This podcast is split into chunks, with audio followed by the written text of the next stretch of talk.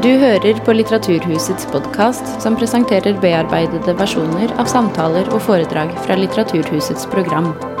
Er du interessert i mer informasjon, kan du gå til litteraturhuset.no for oversikt over alle våre arrangementer.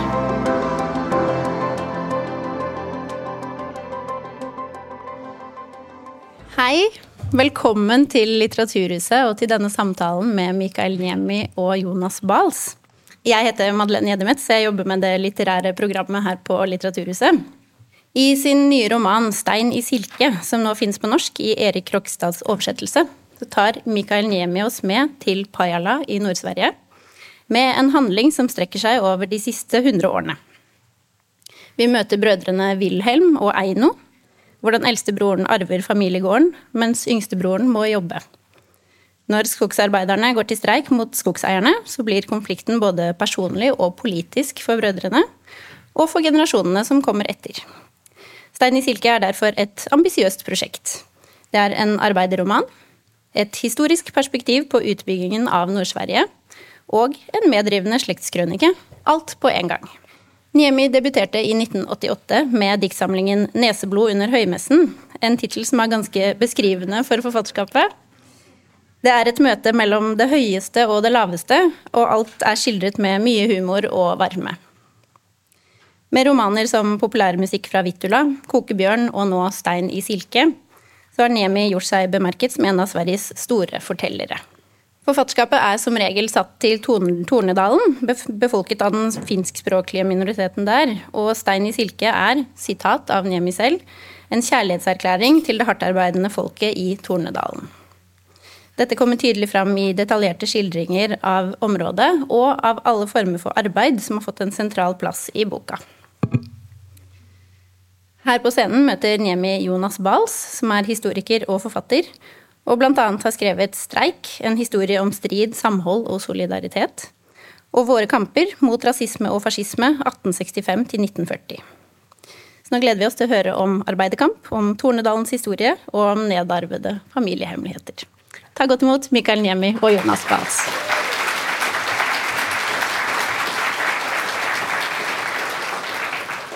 Ja, god kveld alle sammen. Og god kveld. Og God kveld. gratulerer med en helt fantastisk bok. Takk så mye.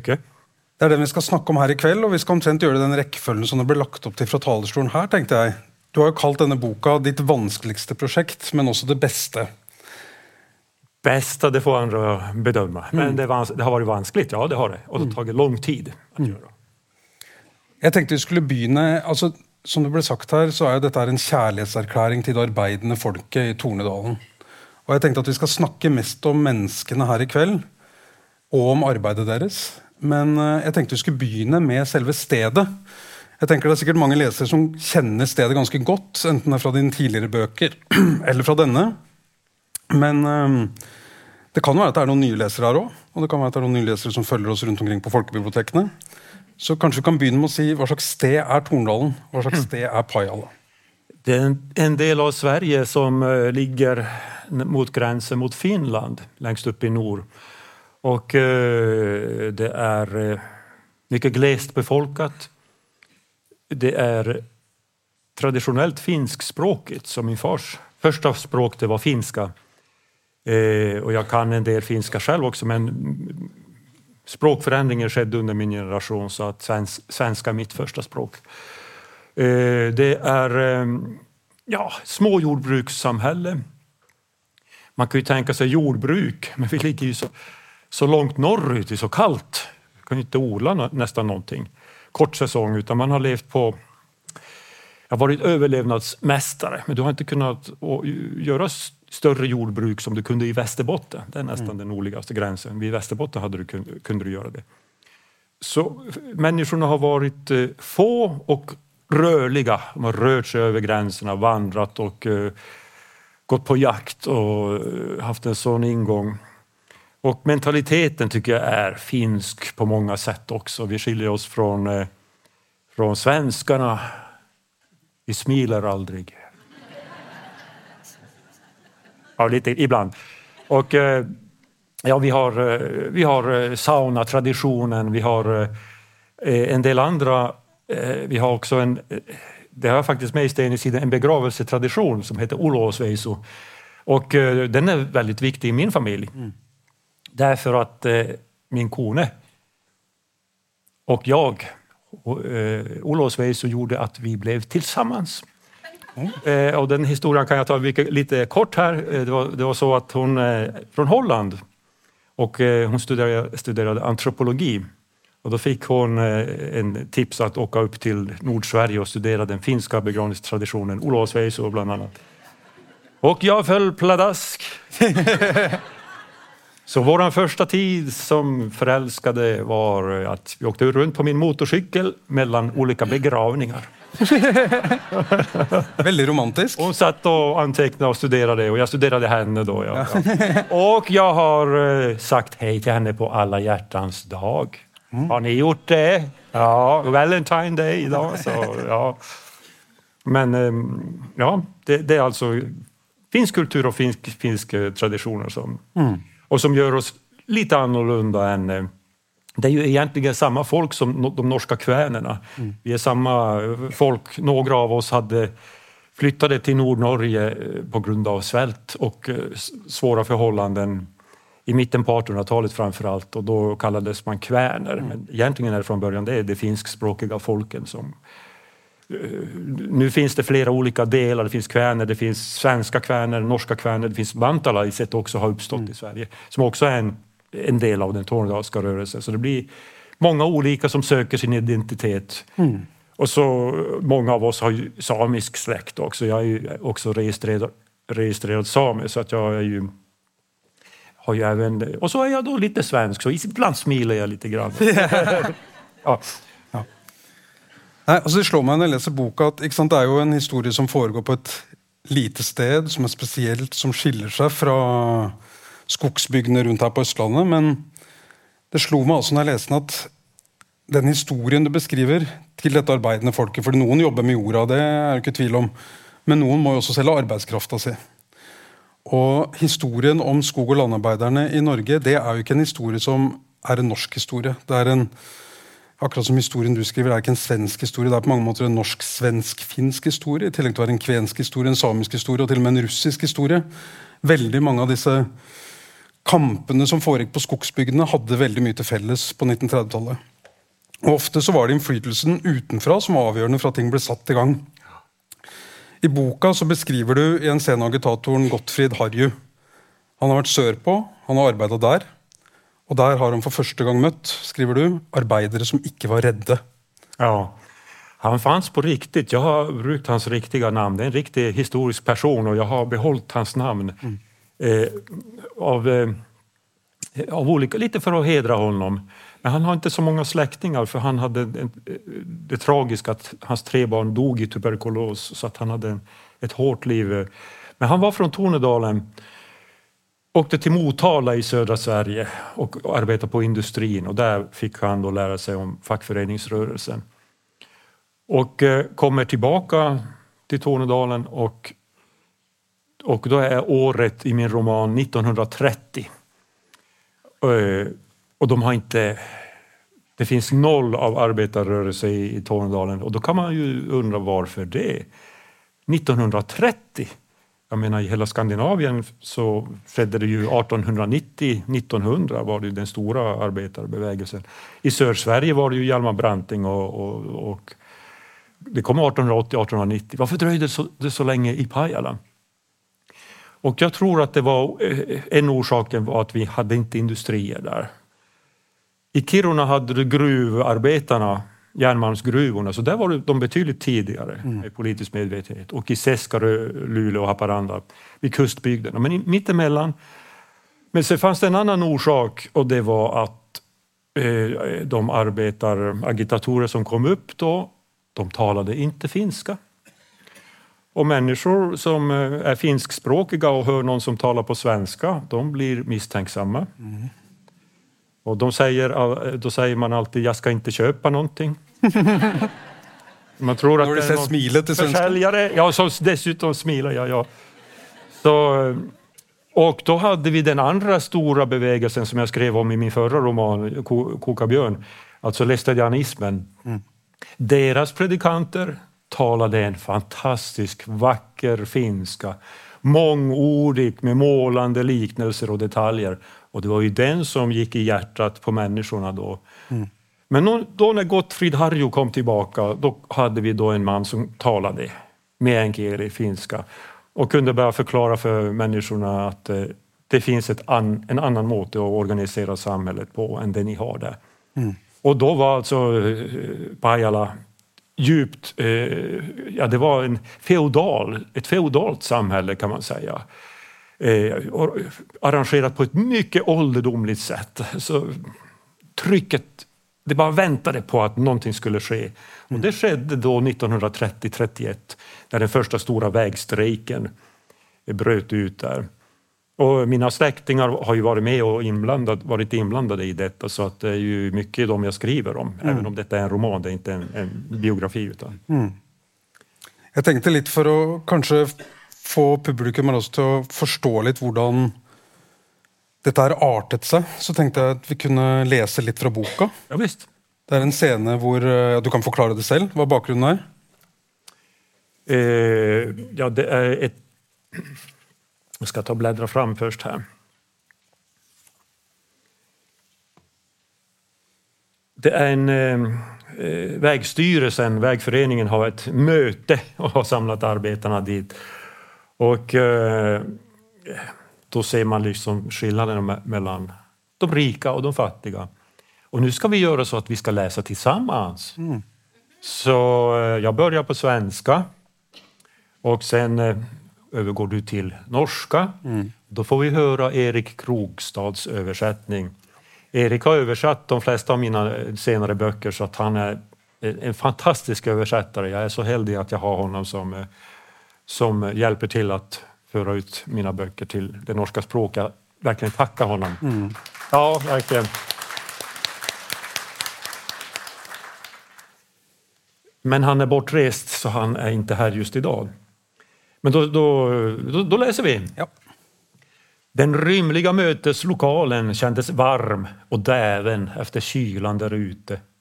Kaminen hade eldats av vaktmästaren sedan tidiga morgonen. Längst fram tronade ett långbord där vägstyrelsens delegater samlades och i bänkarna slog sig traktens inflytelserika hemmansägare och företagare ner. Dagen till ära hade markägarna klätt sig i mörk kostym. Flera bar också prydligt knutna kravatter runt sina stärkta skjortkragar. Vägmästaren kastade en blick mot den invällande menigheten. Så här mycket folk brukade man aldrig ha under vägstämmorna. Spänningen i lokalen var påtaglig. Handelsmannen kom och hilste hjärtligt på styret. Överallt bekräftade man sina allianser med små nick och ögonkast. Fagföreningsfolket från alla lokalavdelningarna som har stiftat runt omkring i distriktet, klämte sig ner på stolar och träbänkar bakover i lokalen. Också de hade försöksvis pyntat sig som till helg, men fattigpreget skinte igenom. Ytterklærne deres lukta mugg og møllkuler. Kinnene blødde etter de simple barberknivene. Neglene minte om hestehover.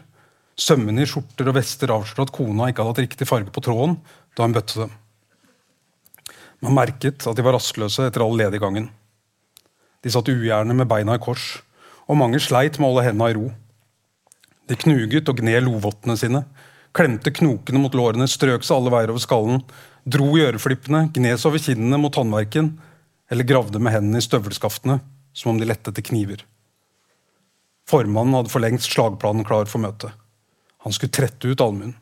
Han skulle snakke et stivt rikssvensk, spekket med formalia og paragrafer, og svinge den praktfulle formannsklubba med avmålte bevegelser. Valg av ordstyrer sittende. Valg av underskriver til protokollen forslag. Godkjenning av møteinnkalling og dagsorden. Beregning av stemmetall. Men det var likevel urovekkende at de var såpass mange. En mumlende folkehop. Hvis de fant på å heve stemmen, ville de lett kunne overdøve presidiet. Oh. Og det eh, Ja.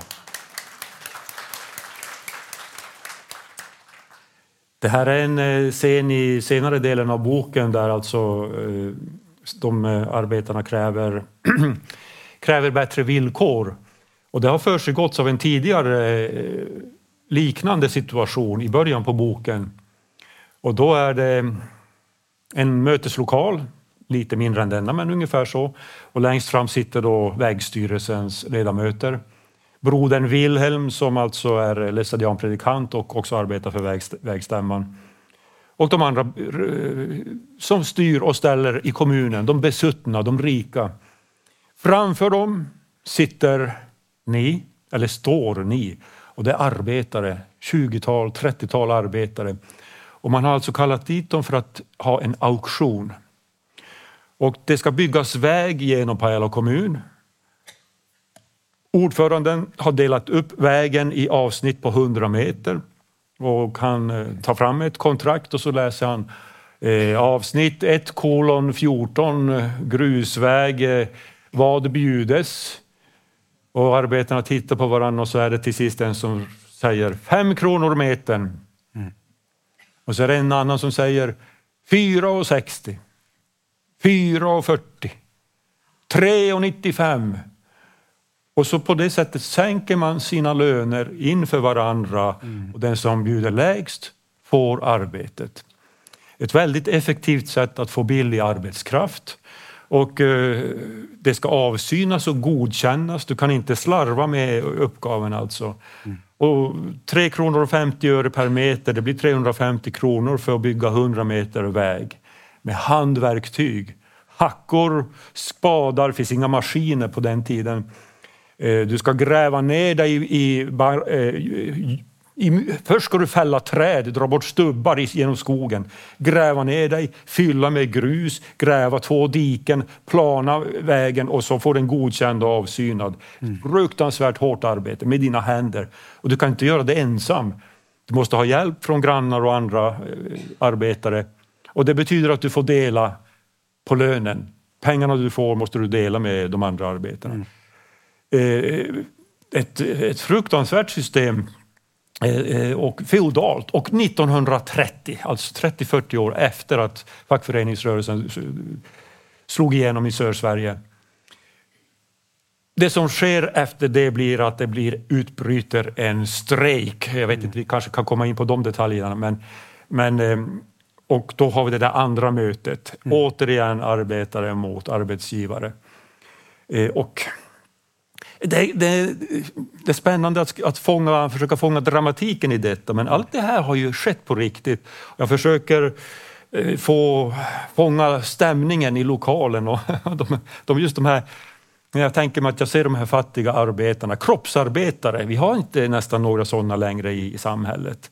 Men riktiga kroppsarbetare, då ser jag framför mig mina gamla, gamla släktingar. Och, jag, och så tänker jag på just hur de var skadade. Någon hade kanske tappat synen på ett öga.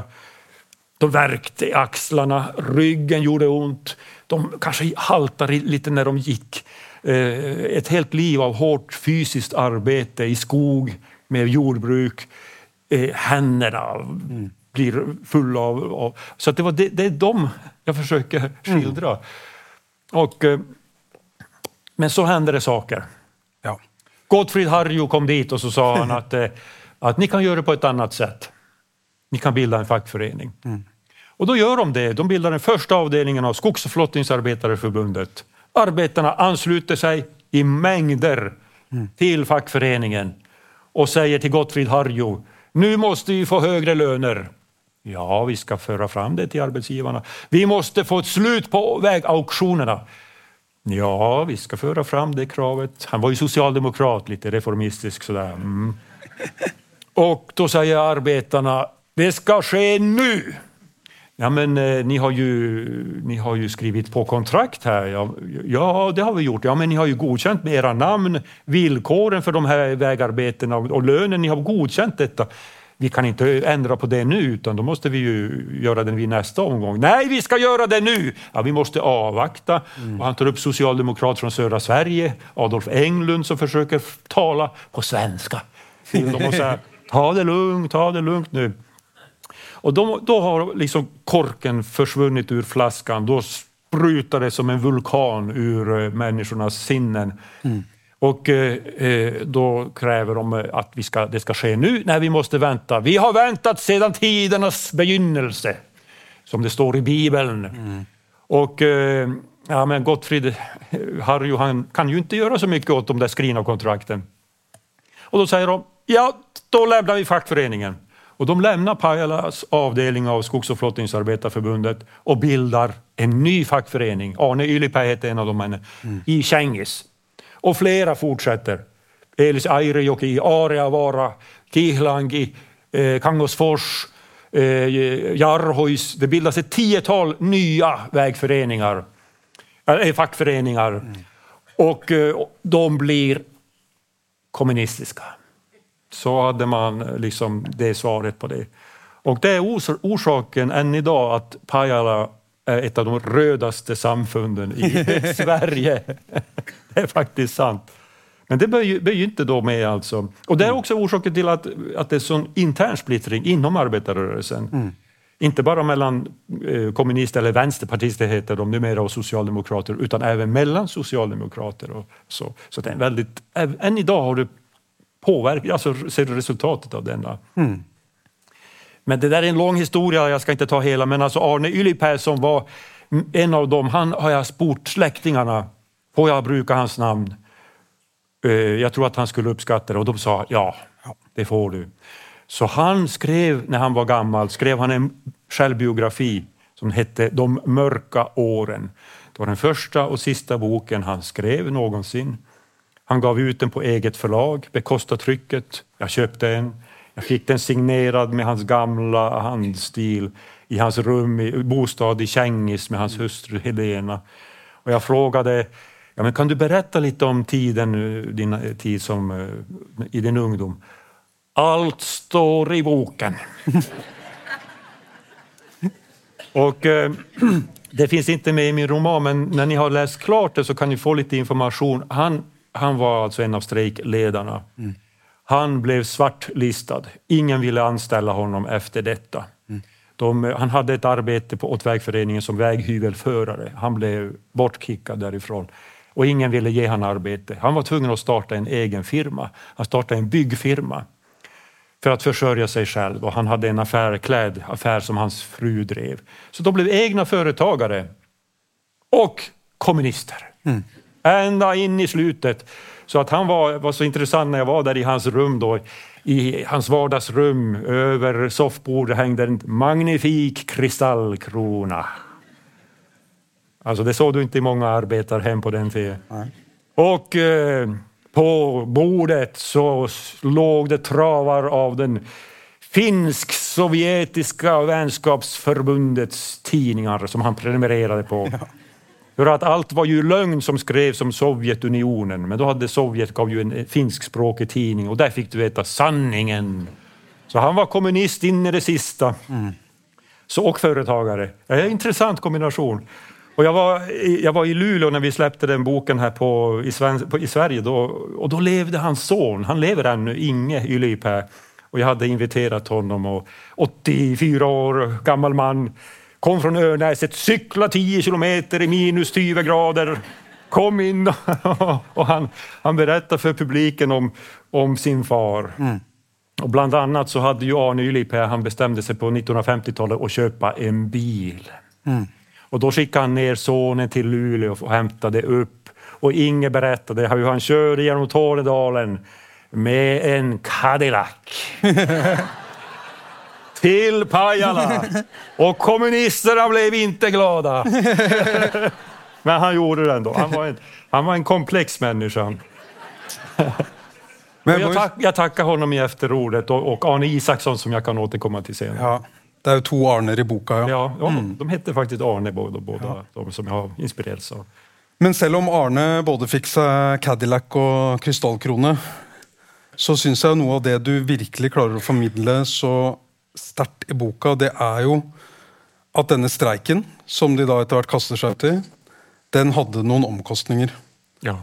Och jag tänker att väldigt mycket av de kostnaderna de syns inte när historiker skriver historien, för då handlar det om vad de fick på fattigforsorgen om de måtte dit, vad de fick i streikebidrag om de fick det, hur mycket de fick i lön om de klarade att sätta upp lönen.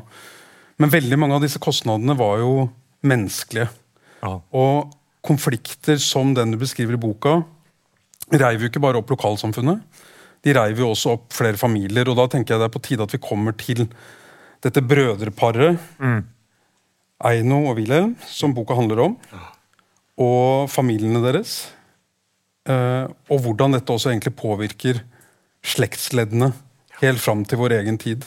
Ja. Kan du säga lite om eh, persongalleriet? Ja, Wilhelm och, och Eino är eh, två av huvudpersonerna och Wilhelm, och de, Wilhelm är den äldre brodern. Och eh, han får ärva gården efter föräldrarna. Så han får gården, en litet jordbruk, några kor och en häst och lite skog och så. Inte mycket, men ändå en materiell grund att stå på. Och Eino och de andra syskonen får i princip ingenting. Och det var vanligt förr i tiden, man, det var så man fördelade mark och egendom. Och Eino eh, är tvungen att flytta. Han eh, eh, har ju inga pengar, han är fattig. Han får hyra ett hus, ett torp kallas det, som du inte äger själv. Av det stora bruket, brukspatronen i Pajala. Och där får han bo mot att han arbetar åt bruket, gör dagsverken åt dem. Och både Wilhelm och eh, Eino är förälskade i samma kvinna, den unga Sara. Som är vacker, hon sjunger så fint i kyrkan. Hon sitter, hon har många syskon, men hon sitter mellan far och mor. Så man ser hur hon är skyddad och älskad av de föräldrarna. Och hon kan alltså välja på materiell välfärd hos Wilhelm eller den Eino. Och då hör det till att de har olika personligheter.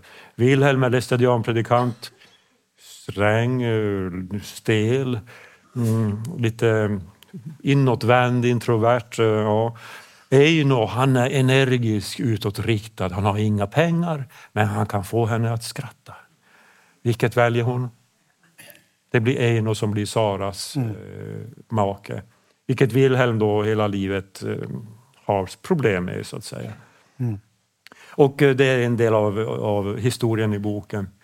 Och så får de också, be- det är ju, de här personligheterna får då också bli symboler för, för samhället. Alltså Wilhelm han arbetar åt Vägstyrelsen som är sekreterare och kanslist, ger extraarbetet åt kommunen. Han har kommit upp sig och eh, tillhör tjänstemännen i samfundet. Och så är han lästadianpredikant.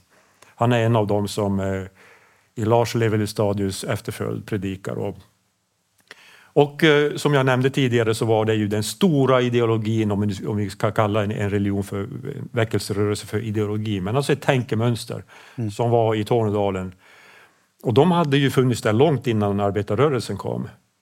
Och så kommer då 1930 Gottfrid Harjo med flera som säger att eh, vi ska försöka göra lite förändringar här. Eh, vad är det som de kräver? De kräver lite högre lön, lite högre och bort med auktionssystemet. Att man istället kan kanske förhandla med arbetsgivarna. Eh, då har du alltså en religiös rörelse, väckelserörelse. Vad säger de? Och jag tänker så, där har vi den stora tragiken i Tornedalen. För de hade ju kunnat sagt, ja men det är ju helt rimligt. Mm. Om vi läser Bibeln, det fanns en man där som hette Jesus. Vad var han? Han var timmerman. Hans far var snickare och timmerman, Josef. Berättas det om. Hade han levt idag hade han varit med i Träindustriarbetarförbundet. Förmodligen. Väckelserörelsen Lestadianismen. Lars Levi Lestadius som bö- började, eh, drog igång den. Vad var hans karaktär? Han var för de fattiga. Han var så mån om de fattiga. Han ordnade insamlingar till fattighjälp långt innan kommunerna hade den organisationen. Han startade skolundervisning för fattiga, enkla bybarn. Så han stod ju på de fattigas sida. Och han kom ofta i konflikt med överheten, brukspatroner och köpmän som sålde brännvin och annat. Så vi kan bara tänka då, om vi stannar där och så funderar vi, vad hade, om Lars Levi Lestadius hade levt då, vilken sida hade han ställt sig på? Inte omöjligt att han hade ställt sig på arbetarnas sida. Och vi hade fått en befrielseteologi likt den i Sydamerika, delar av Afrika, som hade helt förändrat det tornedalska samfundet med Gud på deras sida. Och så blev det inte. Laestadianpredikanterna de tittade på menigheten och sa Du som går med i fackföreningen, du har en enkel biljett till helvetet. Mm. Och du som har fackmöten i dina hem betyder att vi kan aldrig hålla ett bönemöte i din, ditt orena hus. Och det, där skapar du en bitterhet och ett hat. Mm. Och Sara är väl det en av de stora sorgerna, att hon blir nekta. Och... Eh, Sara håller ju fast vid, hon är ju troende och det där är också intressant för det, det, det var faktiskt ganska vanligt att man hade äktenskap där ena parten trodde på religionen och, hade, och, böne, och gick på bönemöte och den andra, alltså på väggen på eh, fotografier hade de på väggen ibland i pötterna i köken och då hade de ett foto på ett porträtt på Lars Levi Lestadius och bredvid hade de ett annat fotografi och det var Vladimir Ilyich Lenin. Och det, det, här har jag sett flera gånger och det, där, och det är ganska intressant att det, man undrar vad diskuterar de vid, vid middagsbordet på kvällarna? Eller när de skulle gå och sova, vad hade de för diskussioner och, och så? Men det här, jag tror nog att det blev ganska tysta, mm. tysta äktenskap. Men de höll ihop, man skilde sig inte. Och, och, och det, får, det, det är en sån situation vi har i men det här är en tragik. Och det där kan man alltså, jag, jag var i Tromsö när jag pratade om Konkabjörn och så fick jag träffa eh, norska historiker och de blev lite förvånade när jag berättade den här historien från Tornedalen. De sa att i Norge, Nordnorge så är lestadianerna inte mot arbetarrörelsen utan tvärtom, många av dem är socialdemokrater. Mm. Och det, jag blev nästan chockerad när jag hörde det. Så att samma, ideologi, samma väckelserörelse tar alltså två olika politiska beslut och, och, och det, liksom det, blir, det får otroligt olika resultat av detta. Mm. Och i, i Tornedalen, det var ju... Det var, den där bitterheten och hårdheten, den, den ser man spår av än idag alltså. Mm. Även om eh, man har försökt tona ner detta, men det finns fortfarande än idag alltså eh, bitterhet kvar. Och det har också att göra med att vi är så... Vi minns bra. Ja. Vi glömmer aldrig. Nej. Det är det, det finska också. Bli aldrig ovän med en finne. Fem generationer. Mm. Ja, ja, ja, jag kommer ihåg. Jag just, ja. Så, och, och, det är ju något negativt menar jag. Jag tycker vi skulle hellre försöka glömma och förlåta lite mera. Mm. Men eh, det, jag kan inte förändra ett helt folk. Det är ju en annan religion på spill her òg. Eh, noe av dette kollektive minnet du beskriver, kommer ju nästan i form av naturkrefter eller demoner. Ting man idag typiskt går till psykologen med. Ja. du beskriver ett barnebarn som eh, närmast har en schizofren tillstånd. Hvor eh, tvillingsjelen hennes minner henne på gammal urett Ja, jag har en, en person i, som finns i nutid eh, eh, som kontrast till den, det historiska och hon heter Siv. Och eh, hon, har, hon är psykolo, psykiskt skör. Mm. Hon har gåvor och, eller kanske förbannelse, man kan så fundera, men hon är inte stark. Eh, och, och eh, hon kan alltså hon kommer, har rötter från Tornedalen, hennes far kommer därifrån. Hon bor i Uppsala. Men hon kan se de döda. Hon kan se när människor är på väg att dö. Eh, då ser hon bredvid personen så uppstår det en skugga. Och ju starkare den skuggan blir, desto närmare är dödsfallet. Det här är något som finns i Nord, Norge och Sverige och Finland, eh, bland samer, bland tornedalingar och vi snackar inte om det. Så om ni kommer dit och så spör ni, ja, tror du på det övernaturliga? Nej, för fan. Men du ska istället säga sådär, har du varit med, känner du någon som har varit med om någonting speciellt sådär när du har varit kanske ute i naturen, gått på tur eller någonting sånt? Har du hört något ljud? Ja. Mm. Nej, inte jag, men, men någon man känner sådär. Och så, och så kommer det mer och mer. Du måste släppa fram de historierna. Så om ni åker norröver så, mm, där har ni många goda historier att, eh, att hitta. Mm. Men det är lite tabu. Ja. Sådär. Och Siv är en av dem alltså. Mm. Och jag har det i min släkt. Så att eh, eh jag brukar den, den. hon, hon, eh, hon har alltså kontakter med krafter som är speciella. Mm. Och jag är uppvuxen med sånt där. Det är ganska intressant. 1990-talet, när jag var en, en, ung man, ja ganska ung man i varje fall, så, så kunde man läsa i Norrländska Socialdemokraten, den stora dagstidningen i, i, i Norrbotten. Så, kunde man, så hade de en, en serie, Dagens ros. Du kunde alltså ge ett beröm till någon människa. Eller så. Då stod det Tack Adolf Gelottijärvi för att du tänker på min onda rygg. Och då folk som läser det tänker så här kanske att ja, men det var väl en snäll man som tänker på den onda ryggen och så. Eh, men jag visste vem denna man var och han var alltså en botare. Mm. En naturbotare eh, som eh, använde, hade kontakt via Jesus. Han var noga med det. Han var inte en shaman utan det var alltså genom Krist, kristna som hjälpte honom och han var sån att han kunde bota människor på telefon också. Mm. Så tänk, du fick ont i ryggen, ja, ja, jo, diskbråck och sådär. Och så desperat som du är, du går till vårdcentralen, du får lite uh, piller mot smärtan men det hjälper inte. Du ringer till Adolf i Haparanda bodde han och frågar, hör du Adolf, jag har så ont i ryggen. Ja, jag ska tänka på dig. Och så lägger man på och nästa dag när man vaknar så är ryggen bra. Mm. Smärtan är borta. Det är fantastiskt när du har levt länge med en smärta och så plötsligt så är den borta. Du måste du tacka någon. Du ringer till Adolf och säger ja, ja, smärtan är borta. Ja, det, det låter bra det. Ja, men vad vill du ha betalt? Jag betalar vad du vill. Nej, inga pengar. Men du kan sätta en dagens ros.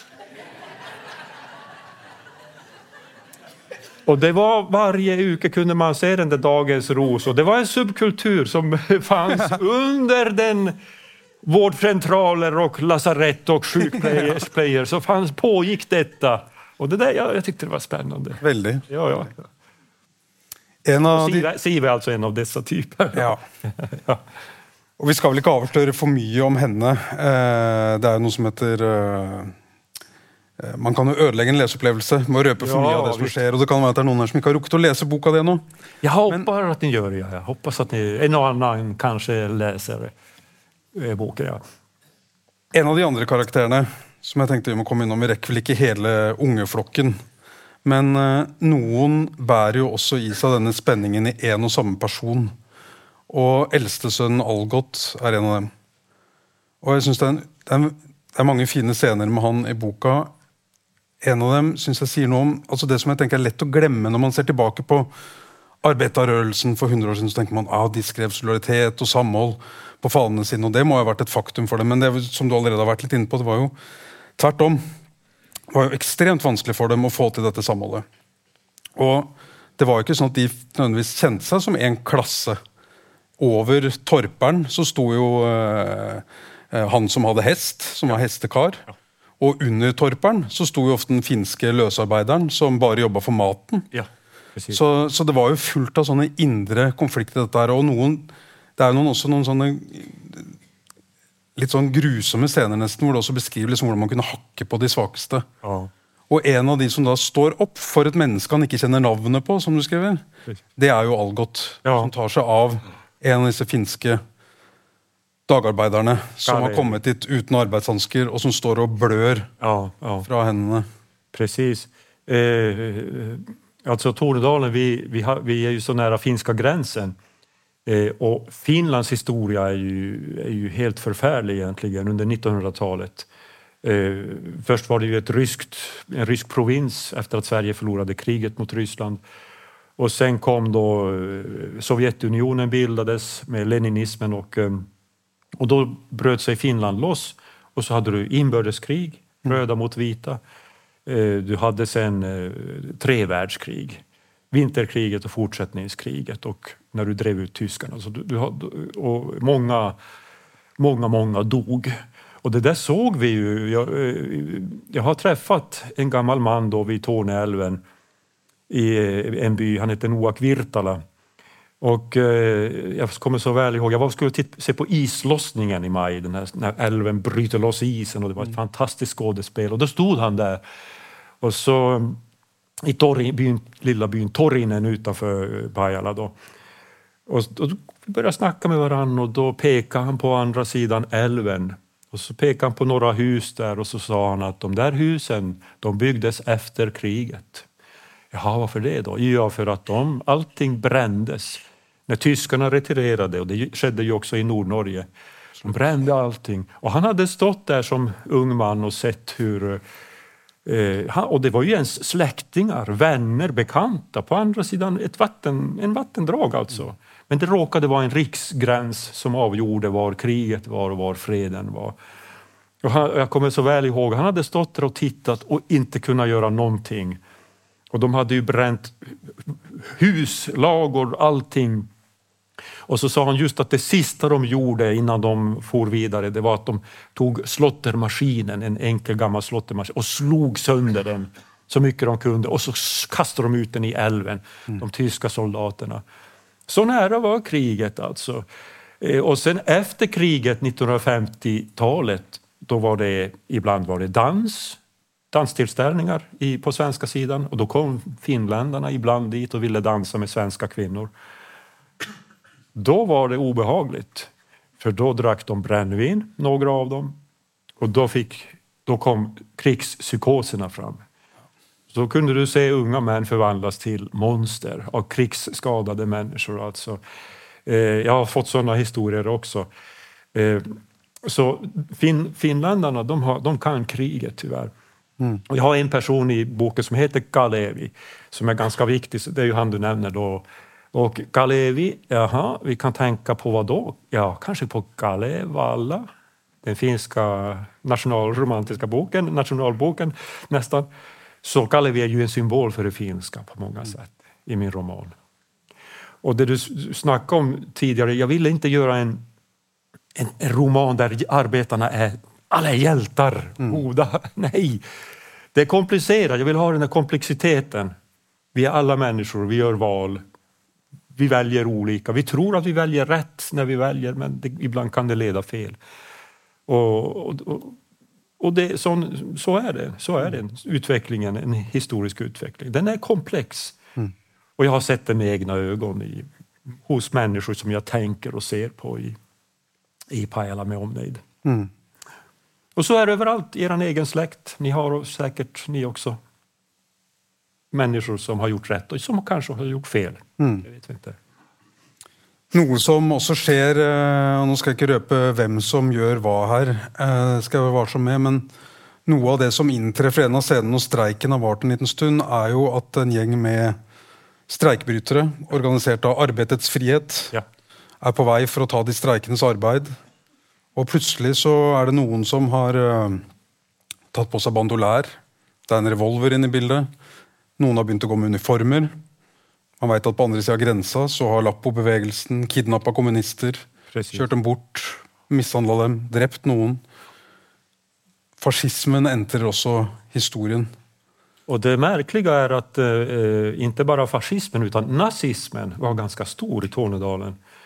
Eh, jag beskriver ett nazistmöte i Tärendö eh, och som skedde på 30-talet. Och det här var ju före Auschwitz, före själva kriget. Det måste vi ha i minne att man hade inte helt facit. Mm. Men Hitler hade kommit till makten. Då visste man ungefär vad Hitler menade. Han hade ju gett ut Min kamp och uh, hade ju talat om ja, sin ideologi. Men uh, de svenska nazisterna hade, var väldigt um, skickliga på att fånga arbetare. Och de kom till Tornedalen då, det finns en man som heter Herman Svensson som kommer dit och han sa till tornedalingarna på det här mötet, och det här är historiskt riktigt, att eh, ja, men ni, ni bor här i Tornedalen och ni, ni pratar finska. Och det tycker, att, det tycker vi att ni kan fortsätta med. Det är inget fel med att ni är finskspråkiga. Mm. Ni är lika goda svenska medborgare som alla andra. Hade ingen sagt någonsin att det är okej okay att prata finska. Från skolan och från överheten hade vi fått lära oss att vi måste utveckla vår svenska. Men han sa nej, ni är lika goda svenskar som alla andra. Och det, en sån sak kan alltså göra att eh, Tärende 30 procent av rösterna tillföll nazistpartiet mm. under ett av valen på 30-talet. Och det var människor som gick i uniform och så vidare, och sån här nazistuniform. Eh, det, ja, det, var, det var hårt, mm. det var verkligen. Och det ville jag också ha med då, för att det, det är en del av sanningen helt enkelt. Och så har du, eh, eh hade du ju de här agitatorerna då som kom från eh, det var ganska intressant. I just Tärende var det fyra bröder, nu pratar jag om verkligheten, fyra bröder som hette Henriksson. Och en av de bröderna han blev skollärare och han blev kommunist. Och han blev en av de stora agitatorerna och han finns med, Seth Henriksson, i min roman. Han åkte runt i hela Norrbottens byar och talade om om lappfascismen eller Sovjetkommunismens mm. väg. Välj väg, vilket vill du? Och så propagerar han ju då för vänster. Och hans bror var nazist. Och det där fick man veta i Arne Isakssons bok, biografi, efter att den mannen hade dött. Så hade en arbetare varit och reparerat huset och varit uppe på vinden och där på takbjälken hade han tagit ut ett vykort som någon tydligen hade gömt där. Och det var ett nazistkort till brodern, mm. adresserat till brodern från nazistpartiet i södra Sverige. Så han hade försökt gömma den men han hade inte slängt den, han hade kvar den. Alltså. Mm. Så, och det var två bröder, så att Einar och Wilhelm det, de hade sina andra ja. personer. Frågor på det? Hur kan det bli sån? Ja, det, det, och det där är ju intressant att sen försöka gestalta det litterärt. Eh, jag har som sagt utgått ifrån det, det historiska. Bashändelserna har hänt, har skett alltså. Mm. Arbetets frihet, de fanns. Jag vet vilka som var med också. Eh, och eh, det förekom pistoler där också. Det var, det här var bara begynnelsen på arbetarrörelsen, det fortsatte och det har jag inte skrivit om. Mm. Så det, det, här är bara början. Då. Till, hur ska man göra till exempel strejkbrytare, sådana som kommer och bryter strejken. Hur ska man göra med dem? Vad ska man göra med dem? Det var ju en ideologisk diskussion. Mm. Ska man slå ihjäl dem? Eller ska man göra ingenting? Ja, det blir väl lite mittemellan då. Nej, men en, en, en av scenerna i boken, och det finns i Arne Isakssons uh, intervjubok, den tycker jag är väldigt uh, intressant. Det, då hade alltså denna strejk pågått i några månader och uh, de fick ju ingen lön, arbetarna. Det fanns ingen fattighjälp. För kommunen var ju borgerligt konservativt styrd. De ville inte dela ut fattighjälp för det skulle ju underlätta för arbetarna att klara strejken. Mm. Och då eh, ordnade de en demonstration i januari dag 1931 och de går in i mötet, fackföreningsmötet. Och där sitter alltså herrarna runt sitt bord, det var ju bara herrar som satt i fattigvårdsnämnden, de, de fina välklädda talesmännen för kommunen, borgerligt sinnade. Och så plötsligt så kommer de, och jag har läst i aviser, detta skedde på riktigt, det var flera hundra mm. arbetare och man kan tänka sig, där sitter de runt sammanträdesbordet och så fylls lokalen av en hord av människor. Det här är januari, minus 20 grader förmodligen. Kallt, snö i kläderna, det bara droppar smält och luktar ylle och de står där och fryser, är hungriga, barnen hemma har inte fått mat. Eh, eh vad ska man göra? Och då säger de, vi måste få mat, vi måste få fattighjälp. Och eh, fattigvårdsstyrelsen säger då att ja, vi har tagit beslut redan. Vi kan dessvärre inte ta ställning i konflikten, så det blir ett nej. Det blir tyst en stund och då säger någon till sist då, då slänger vi ut er genom fönstret. Och så säger nästa arbetare, öppna fönstret. Och så säger den tredje arbetare, inte behöver vi öppna fönstret. Och då tar Fattigvårdsstyrelsen en extra möte, extra konsultation och kommer fram till att det kanske kan utges ett litet hjälpstöd till de mest behövande. Mm. Och, och, jag har läst alltså skildringar från de som var med på riktigt. Mm. riktigt. Och det finns en som heter Einar Uusitalo. Han var en ung 18-årig man där och han berättar just hur det skedde. Då, då tog de alltså beslutet, ja vi kan dela ut matlapp, en, alltså en rekvisition på fem kronor mm. Som kan ges till de som behöver mest mat. Och det blir beslutet på mötet. Och, mm. och då säger de, ja vi beslutar, vi delar ut matlappar till de mest behövande. Så att eh, ni kan komma fram till bordet så, så skriver vi på det. Ingen går fram. Mm. De har aldrig fått hjälp i princip av någon. De har fått klara sig själv mm. sen eh, urminnes tider egentligen. Och de står där och, och, så ska de inför alla andra människor, arbetare och överhet gå fram och säga jag behöver hjälp. Mm. Så ingen går fram.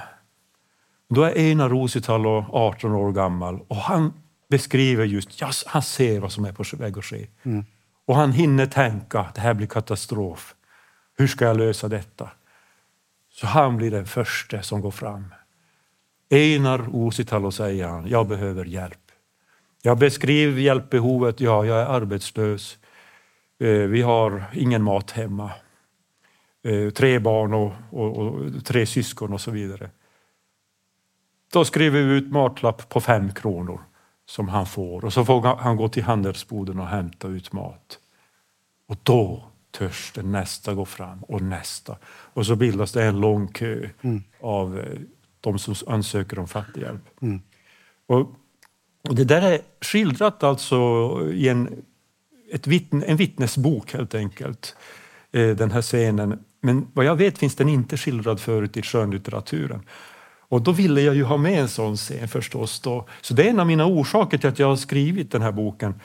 Jag har en mass, antal, stort antal röster, gestalter bakom min rygg som står och viskar, talar. Mm. Genom, kanske till Siv, kanske till mig. Och jag försöker fånga deras röster. Och jag är nu 64 år gammal och jag börjar ju inse att det, gör jag inte detta kommer ingen annan att göra det. Mm. De flesta författare idag är yngre än mig. De har, inte varit, de har inte träffat de här människorna, de har inte sett dem. De vet inte det jag vet. Ja, men jag måste göra det.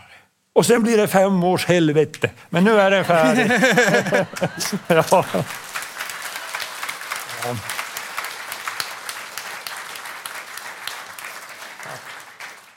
Jag måste bara berätta lite om Arne Isaksson om jag får det. Alltså. Du får det, för vi har någon minuter igen. vi har, jag har min klocka här. Eh, Arne Isaksson, han var den eh, andra människan som betydde... Han var från Pissiniemi, han var tornedaling. Han arbetade som socionom, alltså inom socialtjänsten i Mellansverige. Eh, han var alltså han var kommunist. Och han var Personligheten och han hetlevrad, en het sporre. Han gifte sig med en finsk riksdagskvinna, bland annat. Och det äktenskapet, ja det höll ihop i några år. Men han blev alltså utvisad från Finland av politiska skäl. Han var för röd, för radikal. Och jag vet ingen som har blivit utvisad från Finland som inte är kriminell eller någonting. Nej, han var hans ideologi. Så han hamnade i Sverige och det blev skilsmässa och sådär. Och så blev han pensionist och så bestämde han sig, jag ska skriva om, eh, om de gamla människorna som ännu levde. Mm. Det här var 1990, 1980-1990. Och han kunde alltså finska. Så han åkte runt i de små, små byarna och träffade de gamla männen och kvinnorna och frågade, minns du, huskar du om vägstrejken? Mm. Ja, jag var med. Och så fick då männen och kvinnorna berätta på finska till en som kunde finska. Och han skrev ner detta, gav ut det på eget förlag. Eldsjälarna hette, hette den boken. Så han var ju också författare, han skrev flera böcker efter detta. Helt autodidakt, han, han hade inget förlag, han bekostade böckerna själv. Och jag minns så väl på 1990-talet, jag träffade honom och han var, han var en speciell människa. Han kände till då mig då, för jag hade kommit ut med mina diktsamlingar och sådär. Så Jaha, hej Mika, sa han på Pajala marknad träffades vi. Ja, du skriver? Jo, jo, ja, jag skriver också, sa han. Jo, jag vet att du skriver och, och jag har köpt din bok, så jag fick den ju signerad av honom. Och, och så sa han, ja, ja Mikael, vet du att jag har, jag har faktiskt... Eh, och, och då var det så att han hatade övergrepp, hatade maktmissbruk. Och när någon i Mellansverige av kommunens tjänstemän eller någon gjorde något fel, då anmälde han dem till justitieombudsmannen under regeringskansliet i svenska staten. Och han sa till mig, ja vet du Mikael, jag har svenskt rekord i gjorda JO-anmälningar. Över 160 stycken. Men när han sen slutade göra JO-anmälningar då började han alltså åka runt. Och han hade inget körkort utan han åkte moped mellan gårdarna och hade en sån här flakmoped och där hade han kartonger med sina böcker. Tänk på det, ni, bo- mitt förlag Oktober, distribuerar.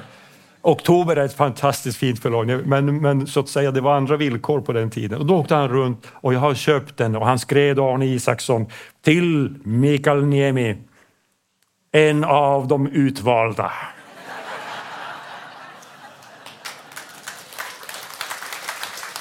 Och, och jag, jag tror inte att han trodde på Gud, jag tror faktiskt inte det. Eller så. Men om han kanske lyssnar nu så tror jag att han skulle vara ganska glad.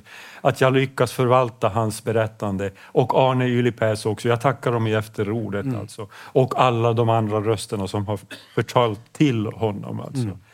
Eh, och, så, och sen finns det en liten ut, utvikning. Nu får, får ursäkta, jag blir lite... Kommer nu, nu börjar jag berätta. Här. Ja, Nu- Hur mycket tid har vi ikväll? Ja. Nej, men jag måste ju bara berätta också, det var, det var så, Arne Isaksson, det var hans pappa som skrev eh, strejkvisan, Pajala strejkvisa. Eh, och det var med en finsk text som eh, hånade eh, fascisterna i Pajala, alltså de, de, de som stod för, på arbetsgivarnas sida. Den blev väldigt populär på 1930-talet bland folket. Men då var det en musikgrupp på 1970-talet som gav ut den på skiva. Pajala strejkvisa. Och den låter ungefär så här. Da, da, dan, dan, da, da, da, te kuolematon. Ensi järjestömme tää hurraa. Ensi järjestömme tää hurra hurraa. Satakertainen Kaijon se saa. Det är en soldatvisa från början från Finland, finska jägarsoldaterna som då gjorde svensk, eller finsk text till. Och så gav de, de, då gjorde musikgruppen här, en folkmusikgrupp, gjorde det på skiva, vinylskiva och gav ut det utan att spöra Arne Isaksson. Aj, aj, aj. Och dessutom så var tre av de här fascisterna omnämnda med namn i efternamn och allting i originalversionen men musikgruppen förändrade namnen av hänsyn till de efterlevande. Jag har en viss förståelse för detta. Kunde Arne Isaksson tåla detta? Nej! Han anmälde dem till, inte till justitieombudsmannen men till tingsrätten. Det, blev, och det var i tidningsaviserna. De har skändat min far och arbetarrörelsen och allting. Och, och de här folkmusikgruppen, de var ju ganska socialistiska på den tiden. De förstod inte, det var en katastrof. Ja, vi, vi ville ju bara gott här. Ja, no, men det blev en förlikning. Det utbetalades pengar till Arne Isaksson. Eh, och jag vill minnas att det var ungefär 4-5 tusen kronor. Det var inga stora summor. Så Arne vann. Och hade 4-5 tusen kronor. Vad skulle han göra med de pengarna? Ja, han tittade sig om och så såg han då en, en mager poet från Pajala. Mikael Niemi. Och han gjorde ett stipendium. Och han kallade det för Tornedalens arbetarpionjärers stipendium. Och den delades ut en gång. Och den fick jag! ja, ja. Mikael, jeg skulle gjerne ha sittet her en time til. ja, men vi har bara begynt. Här. Ja. Nej, jag ser också på klockan, det börjar vara åtta. Vi måste ha andra ting. Vi har fått beskjed om det, vi har fått Ja, beskjed om det, men du kommer å stå opp i Vilken bokhandelen. fantastisk publik! Ja, fantastisk. Ja, just, just. Du kommer att stå på bokhandeln och signera böcker etterpå? för dem som vill det? Gärna det, ja. Gärna det. Jag måste bara säga tusen tack till Arne, och till Arne, ja. och till dig. Ja. Och till alla de du har gett en röst till. Tack till dig. Tusen tack. Och tack till publiken.